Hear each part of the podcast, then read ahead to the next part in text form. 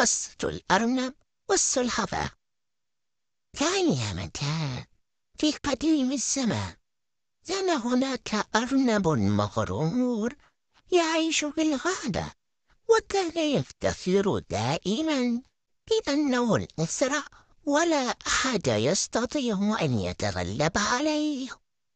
وفي يوم ما ساحت الأرنب المغرور سلحفاة مسكينة تمشي ببطء شديد وراح يستهزئ بها ويقول لها ها ها ها يا مسكينة أنت بطيئة جدا جدا.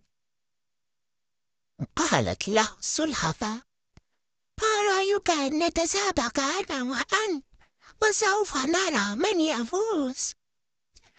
وذهب الأذنب والسلحفاة وبدأ السباق. والأذنب المغرور يقول لن تغلبيني لن تغلبني هذه البطيئة. الأرنب المغرور توقف لينام وهو يقول لنفسه سأغلب السلحفاة البطيئة بعد أن أرتاح وأنام قليلا.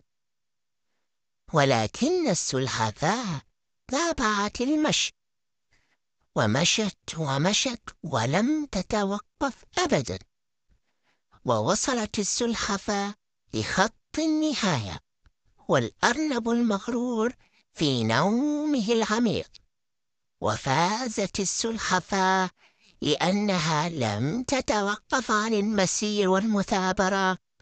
فلما نهض الأرنب المغرور من نومه تفاجأ بذلك وأخذ على الخسارة وأدرك وقتها.